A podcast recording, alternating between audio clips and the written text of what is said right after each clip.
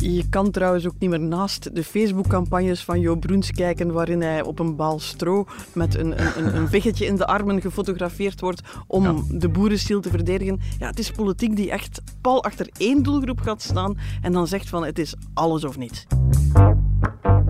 Crisis in de Vlaamse regering. Op de redactie van het Nieuwsblad in Antwerpen weten ze ongetwijfeld hoe die crisis er kwam en wat de gevolgen zijn. Ik check eens hoe het zit bij de hoofdredacteur Lisbeth van Impe. Dag Lisbeth. Dag Jeroen. En bij chef politiek Hannes Hendricks. Dag Hannes. Dag Jeroen. Ik ben Jeroen Roppe. Dit is de Actua-podcast van het Nieuwsblad. Het punt van Van Impe.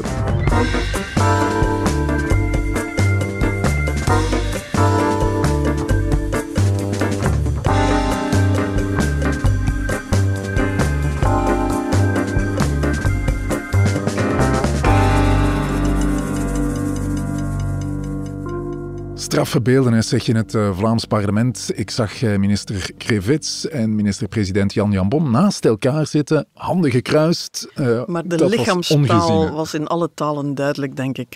ja, hier werd niet met elkaar gesproken. Heb je dit al ooit gezien? zo twee leden van de meerderheid naast elkaar in het parlement? Dat op zich, um, ja. Maar het geheel, de hele crisis waarin ze gesukkeld zijn, dat is onuitgegeven, ongezien en laten we hopen niet voor herhaling vatbaar, maar het is te vroeg om te zeggen dat het opgelost is. Ja, Hannes, jij hebt uh, veel hoofdrolspelers gezien en uh, gesproken. Wat zijn jouw bedenkingen bij de hele zaak? Goh ja, ik denk dat we helemaal losgekomen zijn. Jouw bedenkingen bij de hele zaak, Jeroen. Daar hebben we een hele podcast voor, maar vat, vat, het eens, vat het eens rap slaan. Wat zijn jouw bedenkingen bij de hele zaak? Ik denk dat we losgekomen zijn van inhoud. Het gaat puur over politiek. Ik heb weinig hoop op een akkoord. En Vorige week zat weer nog een beetje van. We hadden ook een kleine weddenschap op de redactie lopen. Van wie denkt dat er nog een akkoord komt, wie niet. En er waren nog op de politieke redactie. Wij zaten op dezelfde lijn. We moeten daarmee stoppen eigenlijk. Ja, Jij was een believer, hè, uh, Hannes? Nee, dat was, dat was een podcast daarvoor. Toen dacht hij nog dat er een akkoord kwam. Ik was, ik was een week eerder dan Hannes om te zeggen van. Oh. ik ben niet zeker. Ja, ik begin toch te twijfelen. We zijn zo competitief. Uh, ja. Ik wil natuurlijk uh, heel graag weten hoe uh, minister-president Jan Jambon hier denkt uit te geraken. In welke positie... Ik denk dat de... minister-president Jan Jambon dat ook graag zou weten. Maar goed, we zullen proberen te helpen. Een jonge witte wijn uit Okier in de gemeente Clavier. Dat ligt in... Uh, dat klinkt niet als een Vlaams landbouwproduct. Nee, het ligt in de provincie Luik, in het Luikse gedeelte van de Condros. Een ronduit prachtige streek en zo dichtbij eigenlijk. Hè. We drinken de Borne 2022 van het domein Vignoble d'Ocarius Gezondheid. We zijn ervan overtuigd dat we dat kunnen bieden, dat perspectief, zonder dat we een nieuw milieueffectenrapport moeten maken en zonder dat we helemaal opnieuw moeten beginnen. Dat is voor mij de inzet, collega's, van de komende dagen. En ik vind dat we daar met onze regering moeten doorgeraken. Dit moet lukken, maar het zal niet lukken als je één partij gewoon tegen de muur kwakt. Daar doe ik niet aan mee. Een felle minister Krevits in het uh, Vlaams parlement. Laten we eerst eens een punt maken, uh, Lisbeth Hannes, over CD&V, de partij van uh, minister Krevits. Ze voelde zich met de rug tegen de muur gekwakt door minister-president Jan Bon. En ze sneerde tussendoor ook naar minister Demir. Dat zijn we echt niet gewoon van Krevits. Hè? Nee, ik denk dat we hier een beetje moeten aan, aan politieke vertaling doen. Hè? Want als je naar de hele quote luistert, dan zou je kunnen denken, hier is een minister die openingen laat, zegt ik wil verder onderhandelen er is gewoon geen man overboord. Wij zijn eigenlijk een heel constructieve partner. Maar het was een, een, een, passage, en je hoort ook dat in VA's er echt van geschrokken zijn, maar er ook kwaad over zijn. Uh, zowel Demir was haar neus kwijt, ze moest maar wachten, ze, kon straks aan de beurt komen. Uh, de, de uitdrukking op haar gezicht, het gezicht van Demir was onbetaalbaar. Jan Jan Bon, die ernaast zit, kreeg daar een sneer van je hebt mij tegen de muur geplakt. En dat was denk ik ook voor heel veel NVA's het moment dat ze door hadden van, als ze nog twijfelden, het is CD&V echt menes. Herinner je de vorige keer dat uh, het heel moeilijk was in die Vlaamse regering en Jan Jan Bon het heel lastig had om de boel bij te houden. Dat was de discussie over de kinderbijslag ja, dat was in, in september. Toen is Krivits uh, spoorslags van op haar ziekbed in Turhout naar Brussel teruggekeerd om eigenlijk haar eigen voorzitter tot de orde te roepen. Terug te en te zeggen van, dit zijn wij niet, wij, wij blazen de boel niet op. Wij gaan hier een compromis maken en mag hier gaan gedaan zijn met al die kinderachtige spelletjes. Ik parafraseer een beetje, maar nauwelijks. Ja, het was hier net Krevits die op een cruciaal moment gaat rechtstaan en eigenlijk aan het hele parlement, aan iedereen die zat te kijken en aan de NVA duidelijk maakt van één en ondeelbaar die CD&V, wij laten ons niet in die hoek drummen. Wij blijven aan onze zaak vasthouden. Dat is heel duidelijk. Het is de CD&V menens. Uh, Hannes, is de CD&V onredelijk, vind je? Wel, het laatste voorstel uh, dat Jan Bon op tafel heeft gelegd afgelopen zondag, ja, daar zaten echt wel heel veel toegevingen in aan CD&V. Ik hoorde ook dat blijkbaar minister van Landbouw Jo Broens zijn, zijn sjaal al aan had op het moment dat de laatste toegevingen van een NVA op tafel uh, werden gelegd. Dus, je kan trouwens ook niet meer naast de Facebook-campagnes van Jo Broens kijken, waarin hij op een, op een bal stro met een, een, een, veggetje in de armen gefotografeerd wordt om de boerenstiel te verdedigen. Ja, het is politiek die echt pal achter één doelgroep gaat staan en dan zegt van het is alles of niets. Ja, dat geeft ook aan dat CD&V echt in campagne-modus zit. Hè? Wel ja, ze denken dat ze met deze discussie eigenlijk een electorale goudader hebben kunnen aansnijden. Dat is niet alleen de landbouwers over wie het gaat, maar het hele plattelandsverhaal. Mensen die sympathie hebben voor boeren, platteland, uh, inzetten met, met de voedselvoorziening. Die dat stikstof toch maar ook een heel abstract probleem vinden. En tegelijk ook de partij die zegt uh, niksje enerzijds, anderzijds. Deze keer is het ene kant en niet een andere kant. En we gaan niet aan de kant. En wij zijn niet altijd degene die toch plooien voor de postjes, zoals dat dan wel eens, wel eens heet. En dus uh, ja, dat punt zijn ze wel heel duidelijk aan het maken. Of dat gaat werken, dat is dus een andere vraag. Maar ja. Mag ik uh, concluderen dat CD&V eigenlijk helemaal geen deal wil? Wel, als ik nu de voorbije dagen bel met CD&V-parlementsleden, partijtoppers, dan krijg ik toch steeds meer de indruk dat ze inderdaad uh, dit dossier gewoon voor zich uit willen duwen. Uh, je hoort dan woorden vallen als ja, we moeten het in, in een commissie steken, we uh, moeten de pauzeknop induwen. In stukjes hakken, saucissoneren, ja. oncommissioneren. Als ze zo in het half Frans beginnen, dan weet je dat er uh, uitstel zit aan te komen. dat is de hele grote frigo ja. die ze in de wedstrijd hebben om alle problemen in te steken die ze niet opgelost krijgen. Ja, dan... dus, dus, je voelt wel dat ze eigenlijk ja, met dit thema wel naar de verkiezingen zouden willen, willen gaan. Hè. Ze zouden het wel comfortabel vinden om tegen de NVA te strijden. Ze hebben nu duidelijk gemaakt op welke punten ze verschillen met die NVA. Ja, in een kiesstrijd is dat gemakkelijk om in de markt te zetten. En als dan het thema landbouw leeft uh, bij de bevolking, ja, dan kan CD&V daar ja, um, Opscoren, winst, ja, ja. Uh, winst mee maken. Ja. En pas op, als, als de laatste dagen iets duidelijk gemaakt hebben, dan is het dat een CD&V die het been stijf houdt, puur op dat vlak, en het is tactiek van de verschroeide aard, hè, maar puur op dat vlak eigenlijk niet kan tegengehouden worden. Dat is wat Krevits bedoelde met uh, ik aanvaard niet dat ik hier tegen de muur gekwakt word, want ze is tegen de muur gekwakt en ze heeft vervolgens ontdekt dat je dat wel kan proberen, maar dat CD&V eigenlijk iedere keer opnieuw kan zeggen wij geraken weg. De trucendoos van Jan Jan Bon is intussen zo goed als leeg.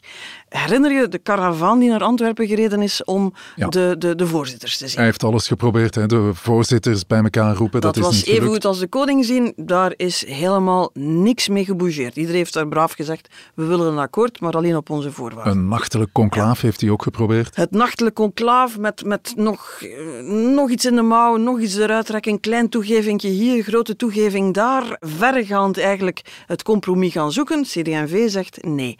Dan kreeg je die hele speculatie van uh, kunnen ze eruit gezet worden, kan er een minderheidskabinet komen, kunnen we het laten stemmen in het parlement. Dat was eigenlijk de, de powerplay ja. van die laatste dagen voor die dramatische zitting van dinsdag.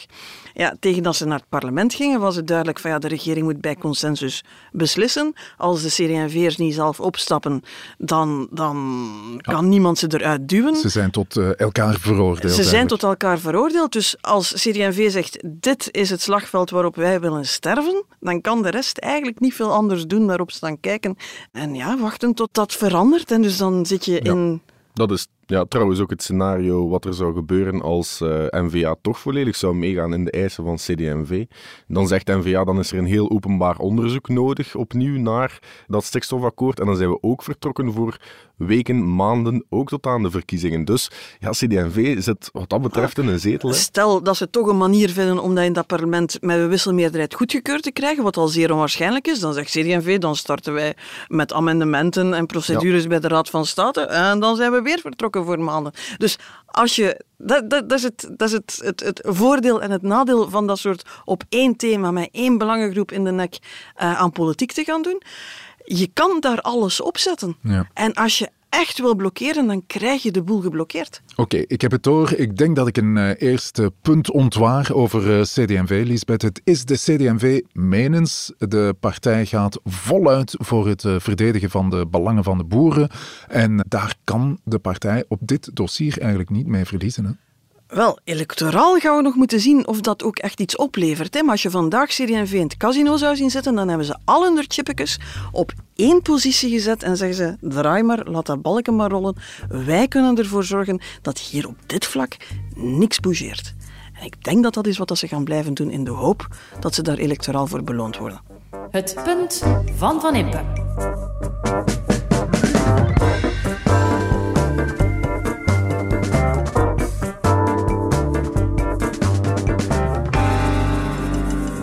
Weet dat u heel graag van mij zou willen dat ik hier een uitspraak doe over verschillende knelpunten, maar ik ga dat niet doen. Minister van Omgeving Zuhal Demir van NVA. Tja, Lisbeth, eh, dat eh, verbaast me nu toch wel echt van Zuhal eh, Demir. We kennen haar toch als iemand die graag de media opzoekt, nooit een blad voor de mond neemt. We hebben er zelfs een term voor, een zowalke doen. Dat is gewoon recht doorspreken ja. zoals de mensen het graag horen. Uh, de coalitiepartners doorgaans iets minder.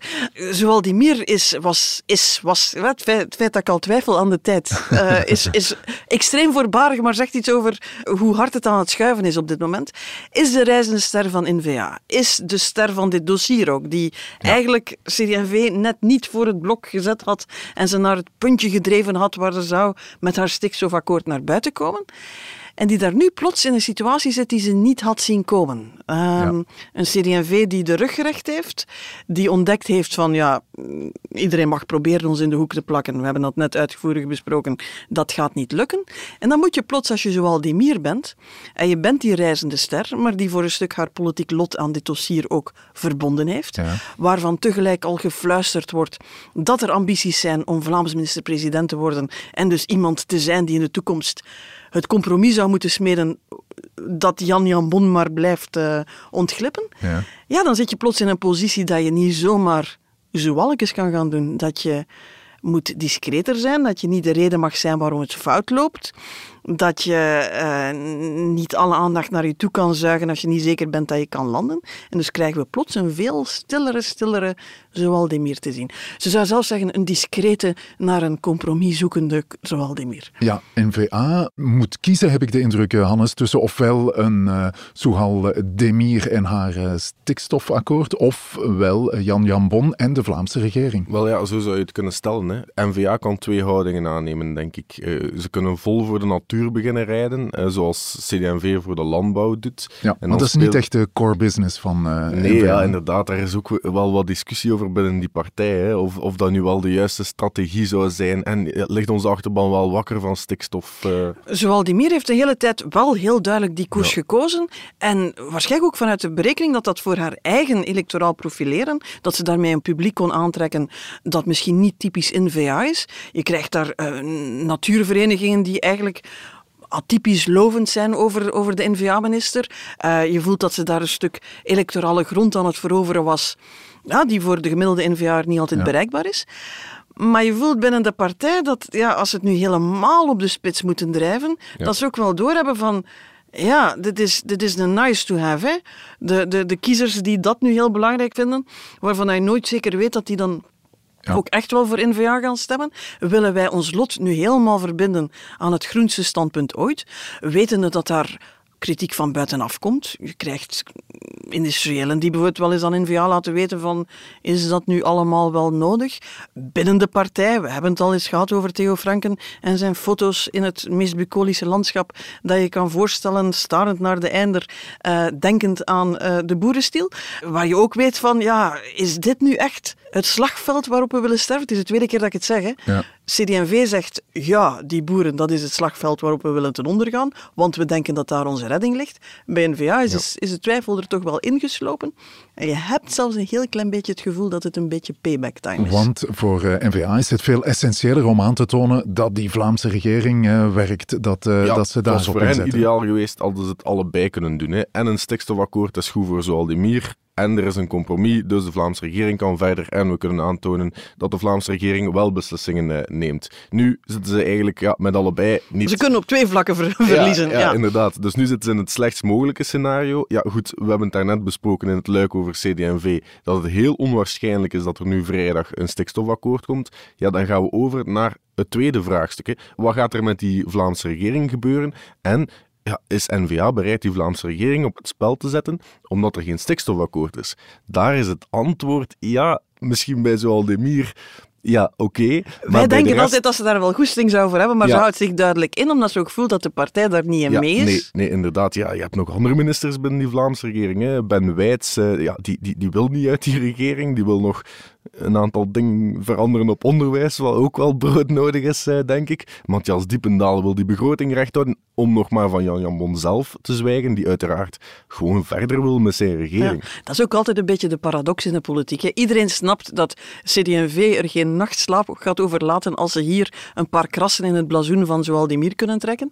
Maar ook binnen de eigen partij zit je natuurlijk met mensen die aan het kijken zijn van ja, hoe zit die positionering hier? De populariteit van Zoaldemir gaan we daar misschien, gaan anderen daar misschien binnen de partij ook een prijs voor betalen? Is dat eigenlijk wel oké voor de hele profilering van de partij? En daar is iets aan het schuiven. Zowel vloog heel hoog, dicht bij de zon, en dan weet je, ja, dan moet je zorgen dat, dat je vleugels niet van was gemaakt zijn. Zowel die Mier lijkt dat goed te beseffen. Communicatief duwt ze op de rem. Ze probeert de schade ook te beperken, ook als het zich helemaal zou vastrijden. Want dan heeft ze het voordeel dat als zij het niet moeilijker gemaakt heeft, dat iedereen toch weer naar Jan Jan Bon kijkt als degene die het compromis niet kon maken. Maar het is echt niet het moment om zo weer zich onverzoenlijk, zeer mediatiek, zeer geprofileerd in de markt te zetten, want ze is niet zeker dat haar eigen partij haar, haar daarin volgt. En ze zou zelfs de schuld kunnen krijgen als het toch fout loopt. Dat is een duidelijk punt. Uh, Hannes, laten we het eens uh, proberen samenvatten. Minister Demir zwijgt, want zij zit in een bijzonder moeilijke positie, want MVA moet kiezen tussen het stikstofdossier van Demir en een uh, Vlaamse regering die werkt van Jan Jambon. Wel ja, op dit moment kan ze niet anders dan, dan zwijgen en stilletjes hopen dat er op miraculeuze wijze toch een stikstofakkoord uit de bus valt. Maar ja, als het van CD&V afhangt, komt dat er niet. Dus eh, de bal ligt nog steeds in hun kamp. Demir zit op dit moment in defensief. En ik denk dat Demir zeer goed beseft dat er weinigen in de wedstrijd een traan gaan laten, mocht zij gedwongen worden om een toontje lager te zingen. Dus ze, ze moet zich heel slim opstellen om hier niet de zwarte piet te krijgen. Het punt van Van Impe.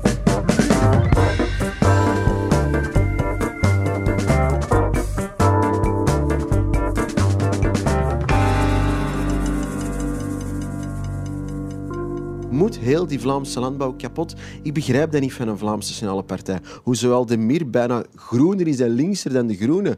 Dacht dat dat een Vlaamse nationale partij was. Dat is toch niet de bedoeling dat wij onze Vlaamse landbouw over kop gaan laten gaan en daarom uh, producten van het buitenland gaan importeren. We moeten niet trots zijn dat onze Vlaamse landbouw een exportproduct is waar we trots mogen op zijn. Dus ja, wij staan aan de kant van de Vlaamse landbouw. Tom van Grieken, de voorzitter van oppositiepartij Vlaams Belang, werpt zich ook op als de verdediger van de landbouwersbelangen. En, zo zegt hij zelf, ik merk dat veel uh, jonge boeren vooral ons zien zitten. Ik ben ook heel bang van allochtone appels, begrijp ik uit zijn uh, citaat. Is Lisbeth het Vlaams Belang nu de grote winnaar van deze crisis?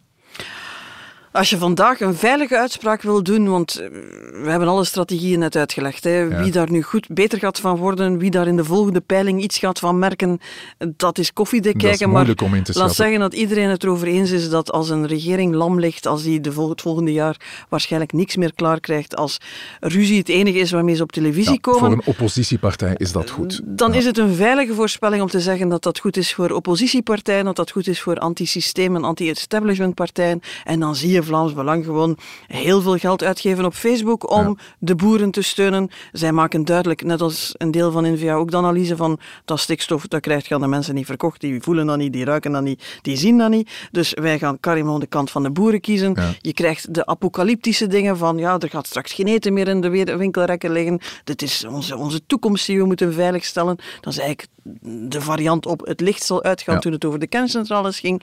Uh, je ziet Tom van Grieken eigenlijk bijna op een tractor vanuit gelijk welk binnenland naar Brussel trekken. Dus het is duidelijk, Vlaams Belang zet hierop in en gaat ervan uit dat ze zowel op het thema als op de, de, de, het politiek krakeel en de impasse, Ja, kan dat, ze daarop kunnen, kapitaliseren, dat ze ja. daarop kunnen cashen. Ja, CD&V, Hannes, eh, voor eh, die partij blijft het dan toch een gok. Hè? Je weet nooit wat het uithaalt, eh, zo die, die houding van CD&V op dit moment. Ja, nee, en er, er wordt op dit moment wel gepeild, eh, heb ik begrepen, door andere media.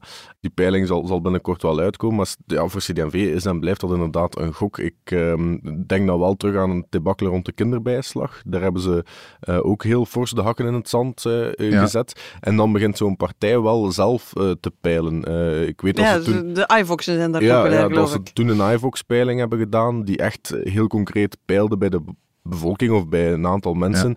Ja.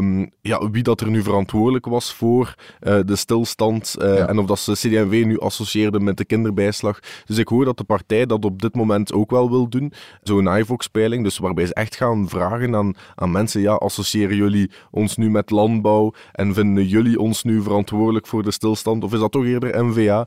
Dus zo merk je dat de partij wel probeert in te schatten van, ja, Ja. we hebben nu een zet gedaan op het politieke schaakbord. Ehm, ja, kunnen we daar ook effectief mee scoren Ja. en willen we daar iets bij? En bij CDV heb je het gevoel dat het belangrijkste is dat ze iets doen. Dat de analyse zo'n beetje is van, we zijn decennia lang de lijm van regeringen geweest, we hebben verantwoordelijkheid gedragen, we hebben de, De gemaakt. beleidspartij, ja. Zie waar het ons gebracht heeft. 9% in de peilingen, 10% is intussen ambitieus geworden. Eh, we, hebben, we zijn onze tweede voorzitter bezig, eh na Joachim Koens, nu Sami Medi, die probeert daar een polslag terug te vinden. Het, het is met verf gooien naar de muur en zien wat er blijft plakken, Ja, basically. Hetzelfde doen als vroeger is geen optie voor eh CD&V. Hoe zit het eigenlijk met de derde partij? Want ze zijn met drie in de Vlaamse regering natuurlijk. Open VLD, is dat nu de lachende derde? Goh ja, ik denk dat op dit moment... Er eh, wordt er niet ja, veel gelachen, Nee, nee, er wordt niet veel gelachen. Eh, ik denk dat de VLD op dit moment de cheven van, eh, van de regering zijn. Of Ze zo. zien in alle kampen wel iets. Het is een beetje enerzijds en een beetje anderzijds. Ja, ja, wel ja. Het is, eh, ze keuren enerzijds de... Ja, en ik merk het woordje enerzijds en dan anderzijds eh, wordt normaal bij CD&V Iemand moet het doen, hè? Het is nu op een VLD. eh, bij VLD. Dus enerzijds keuren ze de nota van Jan Bon goed. Anderzijds zeggen dan, ja, het is toch niet schoon van hem dat hij met die nota direct naar het parlement gaat. Dus ja, je voelt dat VLD gevangen zit hè, in, in, in, in deze hele discussie. Ze, hebben niet een duidelijke lijn. Rel- relatief weinig bij te winnen, behalve dan Gwendoline Rutten, die zich eigenlijk ook aan de kant gezet heeft van de paters van Averboden en Ja, dus ook ja. de buren. Dus die persoonlijk wel, maar de partij heeft er weinig bij te winnen. De enige prijs die ze rijk hopen uit de brand te slepen is als Bart de Wever, de CD&V en Sami Medi echt beu is. En hij moet ooit nog een coalitie maken. Laten we zeggen, het is nog altijd een veilige gok om te zeggen dat Bart de Wever ook na de verkiezingen zal bepalen wie er in de Vlaamse regering mag.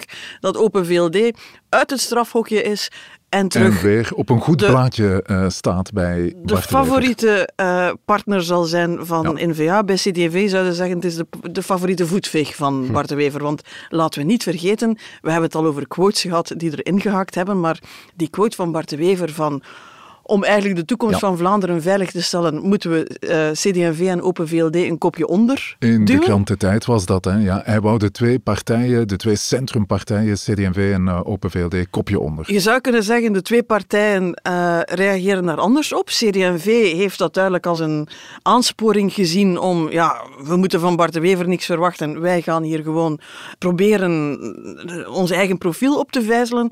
En Open VLD klampt zich vast aan Bart de Wever en denkt van, laat mij niet los. Allee, ik bedoel, misschien kan ik nog samen met jou meedrijven naar een mooie nieuwe toekomst. Waar het allemaal dan weer toch weer veel beter zal gaan. Ja, dat is eh, dan een duidelijk laatste eh, punt. Hè. Het is eh, heel moeilijk om in te schatten wat dit nu eigenlijk oplevert aan de partijen. Maar het is duidelijk dat je er mag van uitgaan dat de oppositiepartij hier wel bij wint. Hè. Ja, en, en je zit in die heel rare situatie met die Vlaamse regering die niet kan vallen.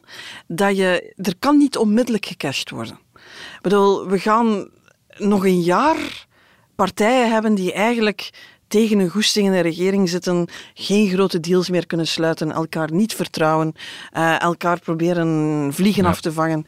En het gewicht daarvan zou op het einde van de rit, een keer dat we naar de stembus moeten, wel zwaarder kunnen doorwegen dan alle specifieke manoeuvres in het duister die nu rond dat zeer abstracte stikstofdossier ingenomen zijn. Dus iedereen die gokt op wat de kiezer hier over meer dan een jaar zal van vinden, als de scholen nog altijd niet beter werken dan, dan dat ze moeten werken, dat als er geen op, oplossing is voor de kinderopvang, budgetair er twijfels zijn, uh, woningnood niet gelenigd wordt, noem maar op. Wat de kiezer dan zal denken, dat is voor elke partij echt een zware gok om te nemen. Het punt van Van Impe.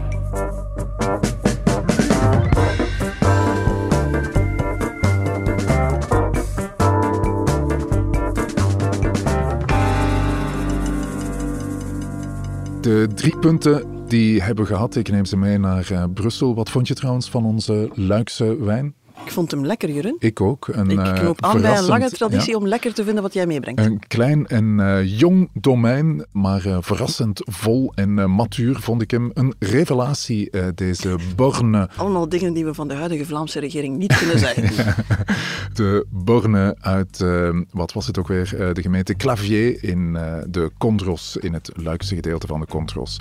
Oké. Okay, tot het volgende punt van Van Impe. Dankjewel Hannes, dankjewel Liesbeth.